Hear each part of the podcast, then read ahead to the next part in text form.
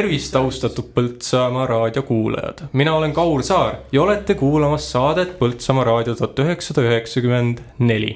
Võib tekkida küsimus, miks on sellel saatel selline nimi. see on just sellepärast, et tuhande üheksasaja üheksakümne neljandal aastal tekkisid esimesed mõtted valiraadiost. Ja juba tuhande üheksasaja üheksakümne viiendal aastal läks valiraadio eetrisse ning osadest Valiraadio saadetest oleme saanud eksklusiivsed klipid. tänases esimeses saates olen ka kutsunud endise pikaajalise Vali tegevdirektori ja Valiraadio üks algatajatest, Heiki Soom, tervist. tere, Põltsamaa rahvas. ootan siis tänaste raadiotegijate küsimusi ja loodan, et suudan ka mina midagi ise meenutada. Heiki, sa oled hetkel Vali uudiste müügijuht, kas on õige? jah, hetkel olen ma Vali uudiste müügijuht, töötan osalise tööajaga. põhikoormuse olen noorematele üle andnud. ja mis, mis nii-öelda on sinu äh, vali äh, uudiste või siis valipressi, praeguse nimega siis valipressi seos nii-öelda pikemaajaliselt, et, et äh, räägiksid sa meile sellest natuke? mina olen, kuidas öelda, valipressi üks asutajatest. see oli tuhat üheksasada üheksakümmend neli aasta märtsikuu, kui piirkonna edumeelsemad siis tollel ajal ettevõtjad. Adavere lihatööstus aktsiaselts Valentino, Sõnajalad, otsust-, aktsiaselts Kravevel pidin unustama, otsustasid asutada Põltsamaa raadio. ja sellest eelkõige olid huvitatud Adavere lihatööstus kes oli tollel ajal Põltsamaal väga tõusev ettevõte ja ma arvan, mitte üksi eh, piirkonna mastaabis, vaid noh, kogu Eesti ulatuses. ja sõnajalgadel oli tollel ajal päris suur kuulsus oma muusika näol ja ju nad ja sellel ajal nad alustasid juba oma televisiooniprogrammi, nii et nemad olid Põltsamaalt juba lahkumas kuid huvi raadio vastu oli ka neil olemas. ja aktsiaselts Graver ja Valentino olid ka nõus hulga alla panema. ja nüüd peaks mainima ühe pea eestvedaja Harri Nukke nime mm, -hmm. lihatööstuse juhataja ja temal olid suhted Tartu raadio juhataja või ja peatoimetaja Vello Läänega, kelle teenuseid ta kasutas. ja ju nad olid oma jutuga sinnamaale jõudnud, et võiks ka Põltsamaal oma raadio olla. ja Tartu raadio muidugi oli huvitatud ka sellepärast, et sellega nad oma levipiirkonda laiendasid. vahemärkusena ütlen, et kui Vali ise eetris ei olnud, siis Tartu raadio oli, edastasime Tartu raadio saateid. et see oli ka Tartu raadio omapoolne huvi ja nii need asjasi me alustasime, võitlesime bürokraatia, bürokraatiaga. ja see kõik võttis aega kuni ütleme nii, et esimene saade läks eetrisse kolmkümmend, kolmekümnendal augustil ja juba järgmisel aastal. kuid kui tagasi tulla, siis kuna firma oli käima lükatud ja midagi oli vaja teha, siis alustasime juba aprillikuuses tuhat üheksasada üheksakümmend neli siis Põltsamaa ajalehe väljaandmisega ja samal ajal ka juba trüki, trükindusega kuidas see täpsemalt siis see idee raadiost veel nagu välja tuli, et kõigil küll oli, on ju huvi, aga kes see nii-öelda selle seemne siis nii-öelda mulda pani? ma arvan, et kui püüaks nagu ajaratast nii palju tagasi pöörata ja palju veel mäletada on, siis tollel ajal Põltsamaa piirkond nagu jänunes infokanalite järele ja ega tolleaegne siis maakonnaleht oli ikkagi ütleme nii, et maavalitsuse häälekandja. ja seal kirjutati seda, mida nemad tahtsid, mitte mida Põltsamaa rahval oleks vaja olnud. ja raadio tundus esialgu kõige kiiremini kättesaadav infokanal olema. ja keda sealt kõik võtsid õhinaga asja külge ja nii seda asja sai käima lükata. Kuid kui siit teemat edasi arendada, siis meie kõik seal olime nagu asja algatajad, aga kes siis oma suu lahti teeks, ega seda inimest siis tollel momendil veel ei olnud olemas kui nüüd äh, rääkida sellest äh, raadio tegemisest nii-öelda ise, et kuidas see tegemine ja organiseerimine välja nägi? et kui palju, kui palju pidi pingutama, kui palju oli näiteks töötajaid? No ütleme niimoodi, et esimene ega Vali raadios igapäevase tööga, kes oli nagu eetris, oli kogu aeg üks inimene, rohkem inimesi ei olnud. ja esimene töötaja, palgaline töötaja, kes siis raadiotöö eest palka sai, oli Meri Ilves.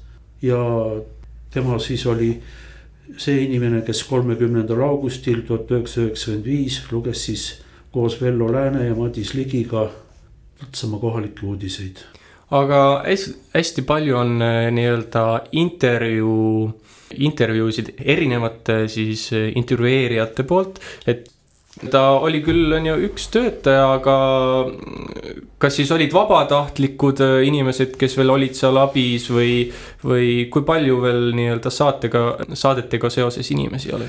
no ütleme ikkagi nii, et igapäevaselt põhiliselt oli ikkagi üks inimene ja oli mingil määral meil ka siis abijõudu, ma praegu siit oma märkmetest loen, et kaheksandal mail tuhat üheksasada üheksakümmend kaheksa läks eetrisse noorte soovisaade, mida juhtisid Kalev Pehme ja Merilin Priilin.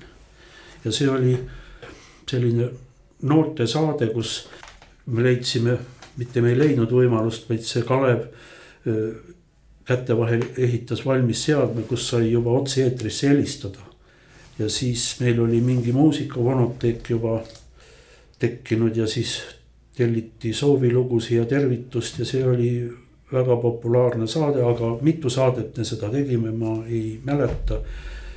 Kalev, noortele ta meeldis, aga ta, noor mees ja Põltsamaa piirkonnast ta lahkus nii et sellega see asi jälle piirdus. rääkides veel paar sõna piirkonnast, kas sa ise oled äh, terve elu Põltsamaaga seotud, elanud, kasvanud siin? no mina võin öelda jah niimoodi, et ma olen Põltsamaal sündinud, kasvanud, koolis käinud. vahepeal äh, Tartus hüdrotehnika insenerikutse omandanud. tollel ajal siis Vene sõjaväes käinud ja kohe Põltsamaale tagasi tulnud ja, ja nii see olen siiamaale Põltsamaal elanud aga millised nii-öelda tol ajal need äh, raadioga seotud äh, kas siis reeglid või kulu, kulud ette nägid, et kui siis meil praegu on noh, mitmeid erinevaid, äh, erinevaid asju nagu Eesti fonogrammi tootjate ühing, autoriõigused ja nii edasi, et mis, mis need nõuded tol ajal olid, kellele tuli nagu nii-öelda maksta? no ma arvan, et põhiliselt olid need asjad, ma arvan, samad, mis praegu autorikaitse oli ta tollel ajal nimetati, siis äh, nemad jälgisid küllalt karmilt. kuumakse oli päris tolle aja mõistes, kui meil sissetulekut ei olnud, oli päris korralik ja kui ühe kuu olime juba võlgu jäänud, siis algul tuletati meelde, siis ähvardati ja siis kuidagi tuli leida võimalus selle raha äramaksmiseks jälle. Ja mäletan, et saatekeskusele lainepikkuse eest tuli maksta, kui palju, enam ei suuda meenutada. aga kuna meil, nagu öeldakse, raadio midagi sisse ei toonud, me pidime need kulud katma teiste trüki ja, ja ajalehemüügi arvelt, siis ega me seal rahaga laiutada ei saanud, tuleb näiteks üks asi meelde, et iga, igal kuul ma lubasin osta ühe CD-plaadi tooriku, sest tollel ajal need asjad nagu maksid suhtarvudes rohkem kui praegu, siis jah, iga kuu kaks. sest äh, mingil hetkel, no ma nimetan need oma taibudeks, nad hakkasid ise muusikat kirjutama. kui me olime juba oma esimese arvuti juba saanud. ja eks põhimure oli see, et äh, kõik, kes meil sealt erineva, erinevatel aegadel läbi käisid, olid pereinimesed, olid vaja peret toita, lapsed koolitada ja tuli ka palka maksta, nii et. kas äh, tol ajal äh, oli mingisugust ka reegleid, näiteks et praegu meil on Ringhäälingu poolt ette määratud, kui palju saateid me peame tegema. kas tol ajal oli ka mingisuguseid piiritlusi või olid vabad käed enam-vähem? selle, kui ma mäletan õieti, siis selles osas olid vabad käed. ainuke, mis me, mida isegi vist kontrolliti, me kõik saated pidime lindistama tollel ajal siis lintide peal. ja ka säilitama, seda aega kahjuks enam ei mäleta aga muid ettekirjutusi ma nagu ei, ei, ei mäleta. sa oled äh, maininud, et tol ajal äh, nii-öelda raadio tegemine oli selline õhinapõhine, kas sa natukene nii-öelda seletaksid seda? no midagi, see kõik inimesed, kes tollel ajal raadio juurde tööle tulid, tulid ikkagi suure entusiasmiga midagi ära teha, korda saata, midagi uut sest raadio Põltsamaa jaoks oli ikkagi nagu öelda uus asi. aga noh, mis ma pean ütlema, et siis mina olin see mees, kes neid hakkas seal pilvepiiri pealt äh, nagu alla tooma, sest raha pani omad kammitsad äh, nagu peale. muidugi ma tulen jällegi, teen väikse kõrvalepõike, kes seda õhinapõhisust ikkagi toetas, oli Harri Nuke, kes tänaseks on juba manalamees tema ideed ja tema ideede lend, see oli muidugi, võib täna öelda hullumeelne. ja, ja nendega muidugi ei õnnestunud meil kaasa minna ja eks see meil ka mingeid lahkarvamusi tekitas. ja ma võib-olla võin siinkohal natukene ah, siit ajalehtedest, tolle aja ajalehtedest võtsin välja mõningaid väljavõtteid, sest enda mälu kahjuks neid asju kinni enam ei ole pidanud. siis äh, kuni äh, kümnenda veebruarini tuhat üheksasada üheksakümmend kuus olid saated kord nädalas. see oli laupäeva äh, hommikul. see oli siis pikem saade, enne seda olid saated kolmel korral nädalas. ja kolmteist aprill tuhat üheksasada üheksakümmend kuus Vali raadio ajutiselt katkestas oma tegevuse. aga nüüd mul tuleb nagu meenub, et omanike surve oli küllalt suur, et uuesti alustada ja seitseteist november tuhat üheksasada üheksakümmend seitse alustas Vali raadio uuesti nagu öeldakse, uue jõuga, saated olid igal tööpäeval kakskümmend minutit ja ülejäänud keeter oli kaetud Tartu raadio saadete ülekandmisega tollel ajal sai tehtud äh, ajalehes suur küsitlus, millist, äh, milliseid saateid rahvas tahab näha, näha. milline huvi on saadete vastu ja rahvas muidugi väga ootas neid saateid. ainult üks asi, mida mainiti ära, oli see, et, et horoskoopisi palun ärge lugege. aga siis äh, raadio ei ole, ei olnud nagu praegu meil on need täiesti eraldi nii-öelda sagedus, internetis saab kuulata, vaid teie olite siis ikkagi Tartu raadiol ja siis. Äh, me olime või..., ei, me ei olnud Tartu raadiol meil oli oma sagedus üheksakümmend kuus koma viis megahertsi. aga kuidas see siis nii-öelda ülejäänud ajas siis kattis Tartu raadio?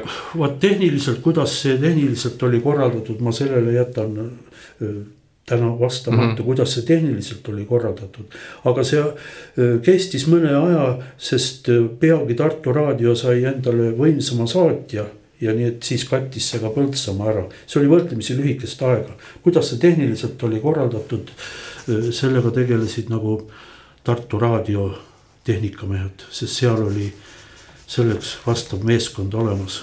kui meil, ma mäletan midagi enda tehnikaga juhtus, siis kahe tunniga oli Tartust mees kohal, kes aitas asjad jälle käima panna kui sa täna meie siia stuudiosse lossihoovis, lossihoovi astusid, et, et kas sa räägiks kuulajale, mis nii-öelda tunded sul tulid? selle ruumiga, kui ma uksest sisse tulin, siis ma meenus kohe, et see oli Põhja-Eesti. Need on Põhja-Eesti panga kunagised ruumid, kus siis kohaliku filiaali juhatajana töötas Toomas Kulu. ja tollel ajal olid mõned asjad võib-olla keerulisemad, aga mõned palju lihtsamad. ja kui oli ikka väga hädasti, oli rahapuudus ja palgapäev ootas ees, siis ei olnud noh, mitte väga harva, aga mitte väga tihti, aga kui tulin hommikul Toomase juurde, ütlesin, tead, et raha on vaja, palgad on maksta ja. Toomas rahuliku mehena ütles, no tule õhtu läbi. ja kirjutasin allkirja alla ära, rahvale said palgad makstud. ainult Toomas ütles, et kahe nädala pärast pead tagasi maksma. ja sai ta tagasi makstud ja tuleb veel üks lugu meelde, tahtsime omale esimest arvutit osta mis oli nagu ajalehe tarbeks ja ka mingil määral raadio tarbeks, siis see arvuti maksis tollel ajal muinasjutulist summat ja me ei leidnud kuidagi, kus me selle raha saame, aga arvutit oli vaja. siis jälle tulin Toomase juurde ja, ja Toomas ütles, et saad, kahe kuu pärast maksad tagasi. ja siis mul tuleb meelde, et kui kätte tagasimaksmise kuupäev oli, siis ega kõiki raha kokku ei korjanud, siis kodus müüsin katuseplaadid maha ja sai Toomasele võlg tagasi makstud. aga noh, meeldivaid mälestusi on ikkagi sellega siin palju ka lossiga. Ja noh, muidugi kirikuga, kus meie saatja ja saateantenn asusid. meenub üks lugu, kui ühel momendil saade katkes ja jooksime ruttu kirikusse mis juhtunud on siis majaproua, kes siin kirikus tollel ajal elas, oli hakanud pesu pesema ja oli ülepinge tekkinud ja oli saatja välja lülitanud, nii et. ja neid olukordi juhtus nii kaua, kui me siis uue toitja vedasime üles saatjani. nii et selliseid lugusid jah ja, kipub veel meelde tulema. ja sellise ilusa noodiga lähme väiksele pausile ja kuulame lugu tuhande üheksasaja üheksakümne neljandal aastal avaldatud Põhjamaa neid tuberkuloited. kui käes on hommik ja süttib taevas ja päev saab valget valgust täis no,, siis öö on möödas, siis öö on möödas, mu Põhjamaa neid. siis öö on möödas, siis öö on möödas, mu Põhjamaa neid.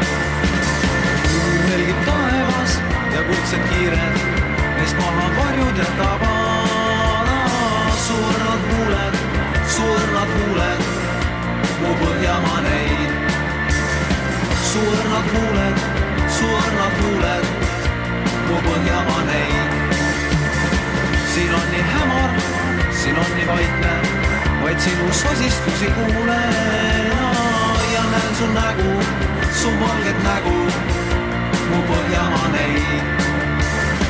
ja näen su nägu, su valget nägu, mu Põhjamaa neid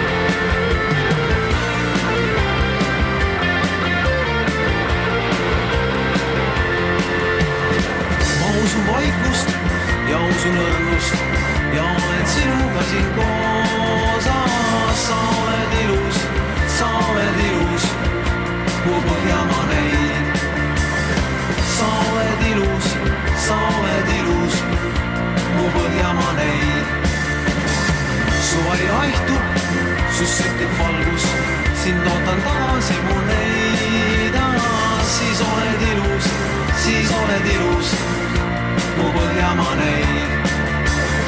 siis oled ilus, siis oled ilus, mu põhjamaa neid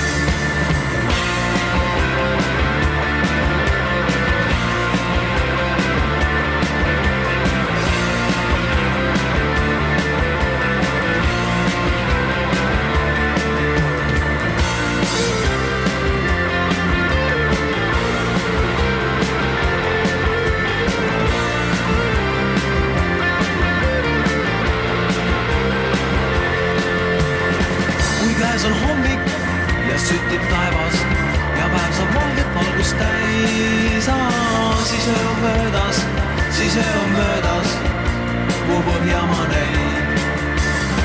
siis on möödas, siis on möödas, kuhu põhja ma näin. siis on möödas, siis on möödas, kuhu põhja ma näin. siis on möödas, siis on möödas, kuhu põhja ma näin.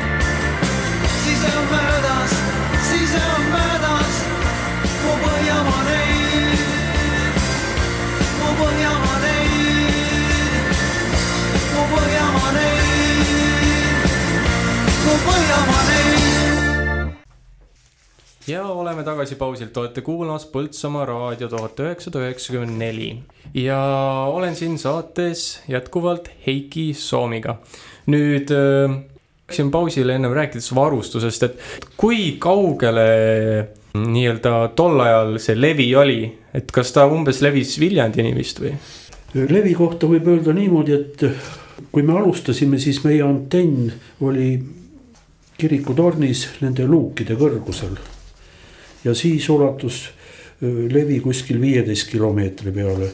aga vastavalt, vastavad mehed, kes asja tundsid, arvasid, et kõrguse lisamisega saab levi juurde ja nii oligi, et siis otsustati antenn viia masti tippu ja sellega muidugi levi suurenes ja me kuuldavast me, või meid kuuldi, ütleme nii, et Paide linnani välja Viljandini päris hästi. aga see, kus me tahtsime jõuda, Jõgeva, Jõgeva sinna väga halvasti, sest Jõgeva oma asendi poolt ta nagu öeldakse, asub kausis, sellepärast ta on ka külmapealinn ja Laiuse mäe peal oli paremini kuulda, aga Jõgevat jah, me kätte ei saanud. see on ju väga kõva sõna selles mõttes, et praegu meie leviulatus on umbes kümme kuni viisteist kilomeetrit, et natukene oleneb, aga jah, sinna, sinna, sinna ta enam-vähem jääb. no ma arvan, et teie levi on tänu internetile üle maailma. no seda, seda ka muidugi, aga noh, kui sageduse pealt kuulete, siis on kümme kuni viisteist. aga kui nagu rääkida tagasivaatest, et ma küsiksin, et kui, kui kaua siis Vali raadio nagu tegeles, et umbes kaks-kolm aastat siis? tähendab, kui ma vaatasin neid kuupäevi veel üle, siis ähm, ma arvan niimoodi, et Vali raadio lõpetas august-september, kuskil august-september tuhat üheksasada üheksakümmend kaheksa. ja võib-olla ma tulen natukene tagasi mõned kuud varem, kus oli veel suured plaanid ja suured Äh, sihid seatud, kuid äh, võib-olla siis halvas mõttes või heas mõttes tänu minule ma, mul õnnestus äh, nagu öeldakse, kõik jalgadega maa peale tuua ja öelda, et kas me jätkame samaviisi ühe mehe raadiona, mida keegi enam ei tahtnud. aga nendeks suurteks plaanideks lihtsalt meil ei jätkunud jõudu, tiivad ei kandnud ja otsustasime pühenduda, sellega olid ka omanikud nõus. otsustasime pühenduda ajalehele ja siis juba trüki, trükinduse arendamise peale. aga noh, kui võrrelda siis näiteks praeguse raadioga, et eh, meil praegu siin on noh, päris palju saateid, päris palju äh, nii-öelda saatejuhte, eh, nii-öelda lõikajaid, kõik, et hästi palju on nagu vabatahtlik, et. et ma saan aru, et tol ajal noh, olid inimestel oli vaja, vaja nii-öelda ka elatist teenida selles mõttes, aga, aga miks, miks, miks tol ajal võib-olla siis vabatahtlikke nii palju ei olnud või, või kuidas sa seda nägid? ma arvan, et ju oli see noh, me olime ka kõik otsisime ja tollel ajal see vabatahtlikkus ja vabatahtlik töö ja need ei olnud nagu kuidas öelda, nii moes võib-olla ja eks muidugi viga oli meis ka endis ka. nii et sinna taha need asjad, asjad nagu jäid.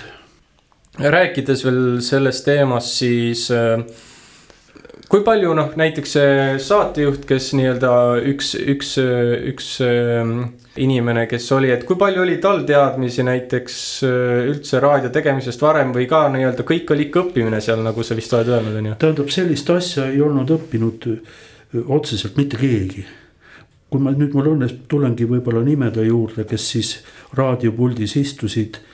Äh, Meri Ilves ta tuli mingil ajal Põltsamaale tagasi, ta oli kooliõpetaja olnud ja tal oli väga hea hääl ja ka ajakirjaniku omadused, aga, ja tema oligi see, kes alustas. aga ka tema läks Põltsamaalt perekondlikel põhjustel ära. ja muidugi kõige legendaarsem raadiotegija ja raadiohääl Põltsamaal, siis võib öelda Rein Viru, kes, kellel küll otseselt nagu haridust ei olnud, aga ta oli sellel alal nagu kaastööd teinud raadiotele ja, ja noh, ta seda teemat nagu valdas. ja muidugi, mis temal muidugi oli, tal oli võrratu raadiohääl. sa ennem veel mainisid mm, Janek Luts. Janek, Janek Luts oli Tartu raadio, tollel ajal Tartu raadios töötas, kes meid siis nagu öeldakse, saadete ülesehitusel aitas ja andis soovitusi praegu lisan, et Janek Luts on praegu Vikerraadio peatoimetaja nii et suured abid meil Tartu raadio näol olid kogu aeg olemas. aga miks, no me natuke juba puutusime seda, miks lõpuks siis Valiraadio lõpetas nagu tegevuse, et kas ei, ei olnud nagu siis ressurssi või, või siis inimesed ei olnud enam selle nii-öelda ühe inimese raadioga rahul või? ma arvan niimoodi, et, et ühe inimese raadiona tuli lagi ette. ja muidugi sama tähtis või isegi tähtsam oli ressursipuudus. ja ütleme ka niimoodi, et ühe mehe raadio meie arusaamise järgi iga päev eetris, see ammendub ära, inimesed nagu öeldakse, räägivad ennast tühjaks. kuidas on teie tagasivaade mm, siis sellele raadio tegemisele, et kas ta oli Eh, väärt või, või, või näiteks hoopis äkki sa, äkki nii-öelda praegu näed, et eh, väga suuri väärtusi, mis, mis, mis, mis on andnud Põltsamaale hoopis? ma arvan sellega, et iga tegu, mis on tehtud, võib ka väärtegu olla, nii et ma arvan, et siin kahetseda midagi, et sai tehtud ja energiat raisata. Tollel ajal olime ikkagi kakskümmend viis aastat tollased tegijad nooremad ja energiapuudust ju kellelgi ei olnud. ja aeg oli hoopis, aeg ja ruum olid hoopis teised kui praegu. nii et avastamise rõõmu, kõiki oli rohkem, riskimist oli rohkem. aga ma arvan, et see kõik kandis vilja ja nagu öeldakse, et seeme läks idanema vahepeal küll seisis, nagu öeldakse maa sees, aga tundub, et eelmise aasta suvest on ta jälle natukene idanema hakanud, nii et võib-olla on see ka mingi, oli see mingi eeldus sellele, et möödunud suvel Põltsamaa raadio hakkas jälle tiksuma just, mina arvan ka seda, et seal on ikka väga suur väärtus ja järgmistes saadetes me hakkame ka kuulama nii-öelda rohkem tollaajaseid saateid ja klippe. ja ma arvan, et sealt on väga palju õppida ja asju teada saada kuidas te nii-öelda siis hindate praegust raadiotööd, te mainisite, et te olete kuulanud natuke Põltsamaa raadiot.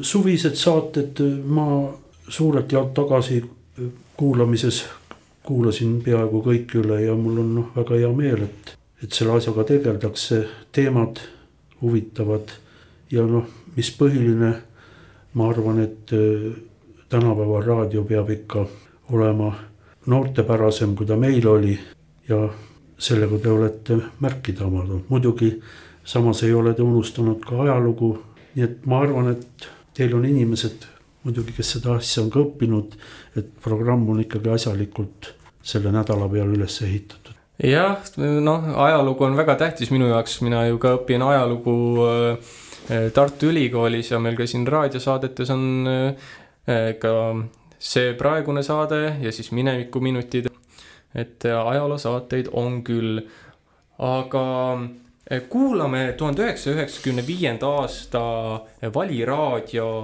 kõlli.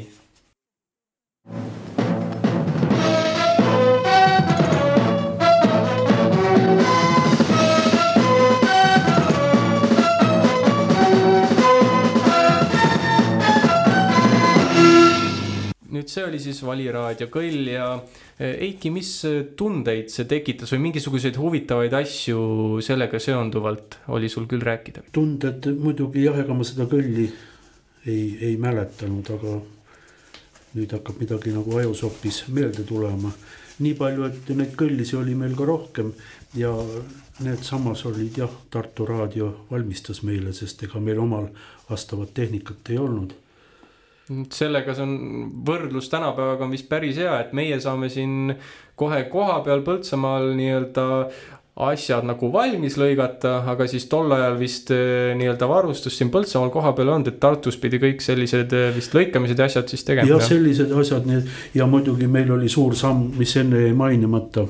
me saime Tartust ka korraliku reportermaki, mis oli juba samm edasi meil, mis võimaldas juba käia kohapeal reportaaže teha ja nii, et ega meil ka pisitasa asi arenes, aga igal asjal algus ja lõpp. ja nüüd kuulame, Eiki, ma ennem küsin, et kas sa mäletad äh, tuhande üheksasaja üheksakümne viienda aasta aastavahetusel antud intervjuud, et ma leidsin näiteks sellise intervjuu. vaevalt. vaevalt, aga igastahes kuulame seda no, intervjuud.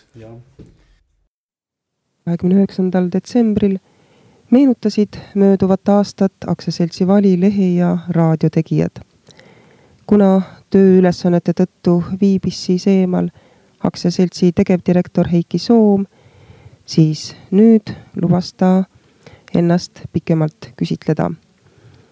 ning Heiki, nüüd ma küsiksingi sinu käest niisugust asja. julged sa väita, et sina oled linna kõigi sündmustega hästi kursis? tere päevast, Vali raadio kuulajad. ma kasutaksin meeldivat võimalust ja sooviksin kõigile head uut aastat ning gripihaigetele kiiret paranemist ja loodan, et haigestujaid enam juurde ei tule. minu vastus küsimusele, muidugi kõiketeadjaks ma ei pretendeeri, kuid arvestades meie firma tegemisi ja toimetusi, kindlasti meie juurde koondub küllalt palju infot kokku, meie ülesandeks on seda selekteerida ja linnarahvale seda teada anda. kas sa selles info hulgas suudad jääda erapooletuks või eelistadki sa jääda erapooletuks? Ma vastaksin niimoodi, et linnakodanikuna ma ei ei tohi kindlasti erapooletuks jääda. kuid äh, arvestades jälle seda, et me teeme ajalehte ja valmistame ette raadiosaateid, siis kindlasti teatud erapooletus tuleb säilitada. aga nüüd ma küsiksingi sinu käest selle põhiküsimuse. kuidas sa meenutad möödunud aastat. mis on sinu arvates Põltsamaa linnale olnud möödunud aastal kõige kasutoovam sündmus, see tippsündmus? möödunud aastat meenutades kindlasti oli ta oma arengult küllalt tormiline. Kui me ise selle sees oleme me ei pane seda tähelegi. sa ju tegid ka oma aastalõpu saates linna sündmustest kokkuvõtte ja ega neid nii vähe ei olnudki. ma vaataksin seda asja kahes etapis. üks kindlasti meie endi firma seisukohalt ja linna seisukoha pealt ma julgeks ikkagi öelda, et äh, linna seisukoha pealt kõige tähtsam oli see, et me hakkasime lossi äh, hoovis üritusi korraldama ja suutsime selle lossihoovi ikkagi viia sellisesse seisukorda, et teda kõlbab juba ka külalistele näidata. ja ma usun, et kui me püüame ise seal ühte-teist ära teha, küllap siis on ka investeerijad kohal, kes juba need suuremad tööd käima panevad. ja firma seisukoha pealt, kui hakata meenutama, siis kindlasti üheks sündmuseks oli see, et leht hakkas ilmuma kaks korda nädalas, maht suurenes, tellijate arv suurenes. augustikuu lõpul hakkas tööle meie raadiosaatja. See toimus muidugi läbi küllalt suurte valude. ja eks praegugi need saated jätavad, jätavad veel küllalt palju soovida. kuid ma sooviksin meie raadiokuulajatele head kannatust. küll me areneme nii raadiotegijad kui raadiokuulajad koos meie raadioga. ja võib-olla ka veel küllalt tähtsal kohal on see, et kasvas tellijate hulk meie trükistele. nimelt võib-olla raadiokuulajad ei teagi seda, et me küllalt palju trükiseid teeme väljapoole Põltsamaad ja tema piirkonda. ilmselt ma ei ole neid numbreid kokku löönud, aga arvan, et kuskil seitse, kaheksakümmend protsenti meie trükitöödest läheb pealinna. ja see on meile toonud jälle pealinnast raha siia. aga Heiki, nüüd edasi. mida sa ootad uuelt aastalt? mina loodaksin uuelt aastalt seda, et meie linna ja valla elanikud tunneksid ennast eelkõige linna ja valla kodanikena ja samal ajal ka Eesti riigi kodanikena. ma mõtlen selle all seda, et meil ei ole mitte ainult õigused, vaid meil on ka kohustused. mida ma veel loodan? aasta lõpul oli võimalus natukene maal ringi sõita linna ümbruses, Kolga-Jaani kandis, umbusi pool. Ja väga masendav oli vaadata harimata põldusid, lääpa vajunud tootmishooneid. ma väga tahaksin, et maale tuleks elu tagasi, et kevadel haritaks üles kõik sööti jäänud põllud ja ka endisi tootmishooneid hakatakse jälle kohendama ja sinna tuleks elu sisse. Ma ei mõtle selle all seda, et me peaksime tootma endises mahus liha ja piima ja kõik läheks endist viisi edasi. nii nagu ta meil mälestustes veel on. ma usun seda, et maal on vaja leida uued tegevussuunad, uued tootmisharud. elu ei seisne ainult mitte liha ega piima tootmises. See ei ole maameestele õpetuseks ja vaevalt mina mingi õpetaja olen. arvan nii, et praegu linnameeste kohus maamehi aidata, nendele ideid süstida. sest olgem ausad, küllalt palju ajupotentsiaali on ikkagi maalt ära läinud ja see on ka teistpidi linnameeste kohustus seda teha. ja selle mõtte võtaksin kokku võib-olla niimoodi. On olemas üks ütelus, et ära kingi mulle kala, vaid kingi mulle õng. mõtlen selle all seda, et tuleb luua tingimused maaelu arenemiseks, kuid mitte seda mingite suurte piirangutega kellegi arvel teda soodustada. sellest nii palju firma koha pealt, mida firma koha pealt öelda. loodan, et inimestel jätkuks sama palju tegemise tahet, kui seda oli möödunud aastal. oleks uusi ideid ja kui on uusi ideid, siis püsib meie leht värskena ja ka raadio areneb kindlasti edasi. kui kaugele näed sa üldse võimalust ajalehel ja raadiol Põltsamaal areneda, Põltsamaa ümbruses? selle üle võib kindlasti pikalt rääkida, kuid ma ütleksin väga lühidalt, et meie raadio ja ajaleht saavad areneda täpselt nii palju, kuivõrd areneb meie linn, kuivõrd areneb siin ettevõtlus ja kuivõrd areneb siin üldse seltskonnaelu. nii ja see oli siis intervjuu noh, saab vist öelda, et ega ajad ei ole väga palju muutunud, kuid kui, kui vanasti nii-öelda sooviti palju tervist noh, gripihaigetele ja et nad kiirelt paraneksid, siis noh, nüüd on see gripp asendunud peamiselt koroonaga. Eiki, mis, mis tundeid selle kuulamine siis nüüd tekitas, kas, kas nüüd tulid mingisugused asjad meelde, mälestused? jah, huvitav oli kuulata, aga esimene mõte, mis mul praegu pähe tuli, et see lindistus ju kuskil tehtud kakskümmend kolm aastat tagasi, et, tollel ajal noore mehe kohta ikka väga julged väljaütlemised, kus see julgus sai võetud, et hakata põllumehi õpetama ja jah, väga palju sai enda, suur julgus kõiki asju välja öelda.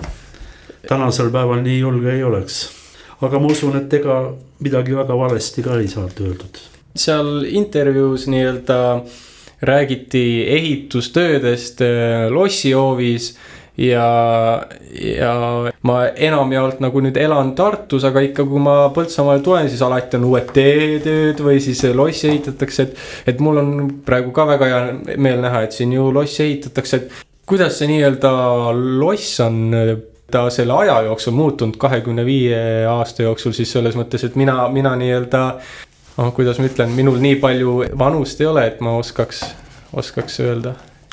eks äh, Põltsamaa rahvas äh, on kogu aeg aastakümneid või ütleme peale seda juba, kui ta hävis, on oodanud, et see loss elu sisse saaks ja teda taastatakse.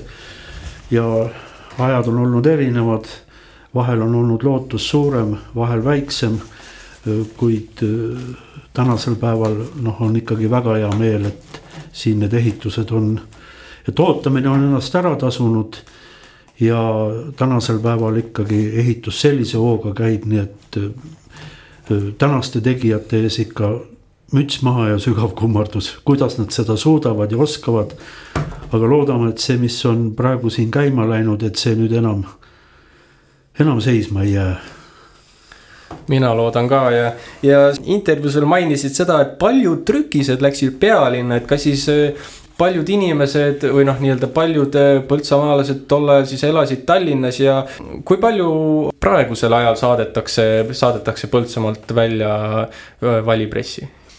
no tollel ajal oli niimoodi, et ega meil õnnestus kohe Tallinnast hakata endale, kuidas öeldakse, tellijaid leidma ja ühe esimesena olid meil suuremad lepingud Tallinna Ülikooliga, mis on jätkunud siiamaale, kuigi natuke väiksemas mahus. ja nii need asjad on lä läinud ja kui tänase päeva juurde tulla, siis noh, kuigi ma olen igapäevasest tegevusest kõrvale jäänud, kuid numbritega ma olen ikkagi kursis, siis ütleme niimoodi, et öö, nii nagu vanasti öeldi et, et üheksakümmend üheksa koma kaheksa protsenti trükiseid läheb ikka Põltsamaalt välja ja suur jagu nendest Tallinna. ja võib-olla see protsent, mis ikka välja läheb, on ikka mitte üheksakümmend üheksa koma kaheksa, vaid isegi veel suurem. nii et noh, tänasel päeval ütleme niimoodi, et kui oli plaan alustada raadioga, teha ajalehte ja seal kõrval ka natuke trükindust, siis tänaseks on asi jõudnud sinnamaale, et valipress on ikkagi puhtalt küllalt arenenud trükifirma, kellel on, meil on ikka päris palju alalisi tellijaid, kes on aastakümneid meilt tellinud, võime öelda praegu riigihanked. Tallinna Ülikool, Tehnikaülikool, Maaülikool, kellega on riigihanked, mis annavad meile igapäevast tööd ja leiba, nii et elu on nii palju muutunud ja jõudnud natukene teistesse jälgede, kus algul oli plaanitud ja no mainiks ära ka, et see intervjueerija oli Tiina Rääk siis, kes teid. Tiina Rääk oli see intervjueerija ja tema tuli meie kuulutuse peale Viljandist ja ta oli Viljandi teatrinäitleja olnud. ja muuseas veel nii palju, et kui vaatate legendaarset Kevade filmi, siis ta mängib seal Kevade filmis pärast töötas ta pärast raadiot Põltsamaa muuseumi juhatajana, praegu ta on Põltsamaalt lahkunud, kuhu ma ei tea. no selge ja no viimane küsimus nii-öelda kuidas sa siis oma hinnangul nii-öelda praegu maaelu näed, et kui sa ütlesid, et väga julged väljaütlemised, kas noh, kas siis praegu on kingitud õng, mitte kala? ma arvan, et on kingitud õng ja eks nad maamehed on ka toetuste näol ka nagu öeldakse, kala saanud mm. -hmm. kuid kui ma rääkisin seal söötispõldudest ja lagunenud hoonetest, siis eks ma praegu sõidan, mulle meeldib ikka maal ringi sõita, siis vist ei peal meelde, et põllud on korralikult haritud. lääpasooned on vähemaks jäänud, talud on korras. nii et ma arvan, see jutt, mis ma paarkümmend aastat tagasi nagu rääkisin, et mul on hea meel, et need on niimoodi läinud. Eiki, kas on sul mingi äh, soov või midagi, mida sa soovid äh, raadiokuulajale edasi öelda? ma sooviksin, et Põltsamaa rahvas tänase Põltsamaa raadio ikkagi omaks võtaks. sest äh, ärgem unustagem, et see on ikkagi oma. ja tänastele lehetegijad või vabandust, leht on südame peal, äh, raadiotegijatele jõudu, jaksu ja, ja hoidke ikkagi oma vaim värske. hoiame ja kindlasti üritame ka edaspidi ja järgmisel suvel raadiot edasi teha aga siit me nüüd lõpetame suur,. suur-suur tänu, Heiki, et tulid äh, esimesse saatesse Põltsamaa raadio tuhat üheksasada üheksakümmend neli ja andsid seda äh, konteksti siis meie saadetele. Tänan, et kutsusite ja kasutan võimalust ja soovin kõigile head vana aasta lõppu. ja see oli siis saade Põltsamaa raadio tuhat üheksasada üheksakümmend neli. saatejuhiks siis Kaur Saar ja külaliseks oli Heiki Soom.